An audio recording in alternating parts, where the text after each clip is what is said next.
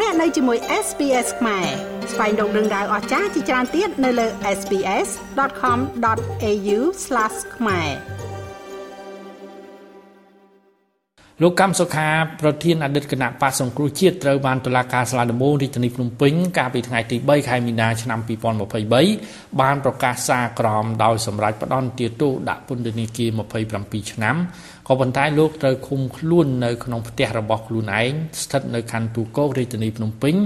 នៅជិតតំបន់ត្រឡោកបែកលោកកម្មសុខាក៏ត្រូវបានហាមឃាត់មិនឲ្យជួបនរណាក្រៅតែពីសមាជិកសាច់ញាតិរបស់ខ្លួននោះឡើយ។ នៅមុខផ្ទះរបស់លោកកឹមសុខាគឺពេលនេះមានកងកម្លាំងសមត្ថកិច្ចនៅយាមប្រចាំការគ្រប់ពេល24ម៉ោងលើ24ម៉ោងប៉ុន្តែផ្លូវនៅមុខផ្ទះរបស់លោកកឹមសុខាមិនបានបិទផ្អាកចរាចរណ៍ទេគឺកងកម្លាំងសមត្ថកិច្ចនៅបើកផ្លូវឲ្យរថយន្តម៉ូតូនិងប្រជាជនធ្វើដំណើរឆ្លងកាត់ដោយធម្មតាលោកកម្មសុខាត្រូវបានចោទប្រកាន់និងកាត់ទោសពីបទសន្តិភាពជាមួយបរទេសឬអំពើក្បត់ជាតិ កញ្ញាកឹមមនោវិជាគឺជាកូនស្រីច្បងរបស់លោកកឹមសុខាក្នុងចំណោមកូនស្រី2នាក់បានបង្ហោះសារនៅលើបណ្ដាញសង្គម Twitter ពីក្រៅប្រទេសថាសមត្ថកិច្ចកម្ពុជាបានដាក់កាមេរ៉ាវីដេអូនៅនឹងខ្លោងទ្វារផ្ទះរបស់ឪពុកនាង ដោយកាមេរ៉ានោះបែរទៅផ្នែកខាងក្នុងបរិវេណផ្ទះលោកនុតសាវណ្ណាអគ្គនាយករងនិងជាអ្នកនាំពាក្យអគ្គនាយកដ្ឋានពន្ធនាគារនៃក្រសួងមហាផ្ទៃក្នុងប្រទេសកម្ពុជាបានប្រាប់អ្នកកសែតថា ការឃុំខ្លួនលោកកម្មសុខានៅក្នុងផ្ទះបែបនេះគឺជាករណីទី1នៅក្នុងប្រទេសកម្ពុជាអគ្គនាយកដ្ឋានពន្ធនាគារមិនមានកាតព្វកិច្ចអ្វីដែលត្រូវធ្វើឡើយពាក់ព័ន្ធទៅនឹងការឃុំខ្លួនលោកកម្មសុខានៅក្នុងផ្ទះត្បិតមកដល់ពេលនេះមិនទាន់ទទួលបានគោលការណ៍ណាមួយពីថ្នាក់លើឬក៏ភាគីពាក់ព័ន្ធនោះទេតាមសារក្រមរបស់តុលាការគឺតុលាការបានបង្គាប់ឲ្យកងកម្លាំងនគរបាលទទួលបន្ទុកក្នុងការការពារសវត្ថិភាពនៅផ្ទះរបស់លោកកម្មសុខា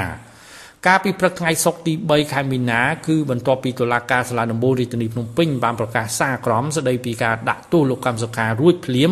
លោកមេធាវីអាងឧត្តមបានប្រាប់ក្រុមអ្នកកាសែតនៅមុខតុលាការថា ជំហររបស់ក្រមមេធាវីគឺចង់ប្តឹងជំទាស់ទៅកាន់សាលាអូតូតែត្រូវរងចាំការសម្រេចពីលោកកម្មសុខាជាកូនក្តីសិនមកដល់ថ្ងៃទី7ខែមីនាមិនទាន់មានដំណឹងថាលោកកម្មសុខា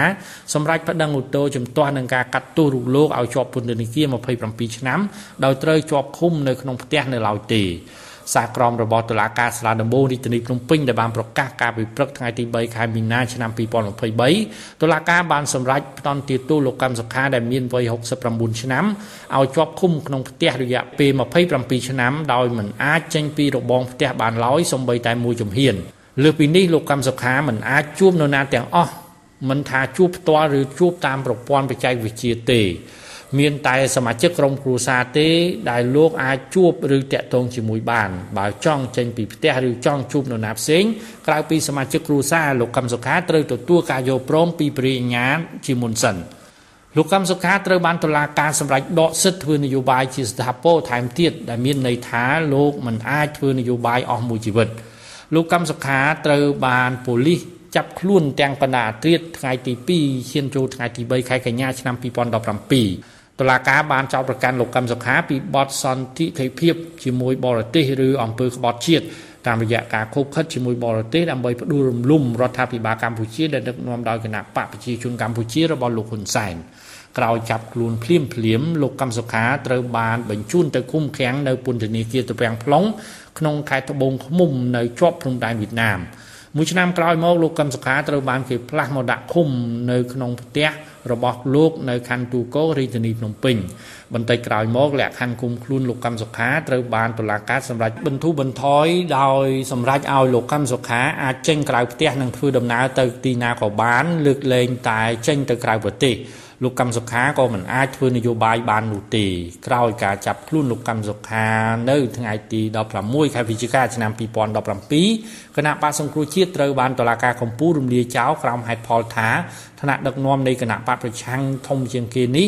ពាក់ព័ន្ធទៅនឹងអំពើក្បត់ជាតិយ៉ាងណាក៏ដោយចំពោះការផ្ដន់ទាទោសលោកកម្មសុខាមេដឹកនាំគណៈបកប្រឆាំងនៅកម្ពុជាត្រូវបានស្ថានទូតសហរដ្ឋអាមេរិកប្រចាំកម្ពុជាចេញប្រកាសថា សហរដ្ឋអាមេរិកមានការរំខានចិត្តជាខ្លាំងចំពោះការផ្ដន់ទាទោសលោកកម្មសុខា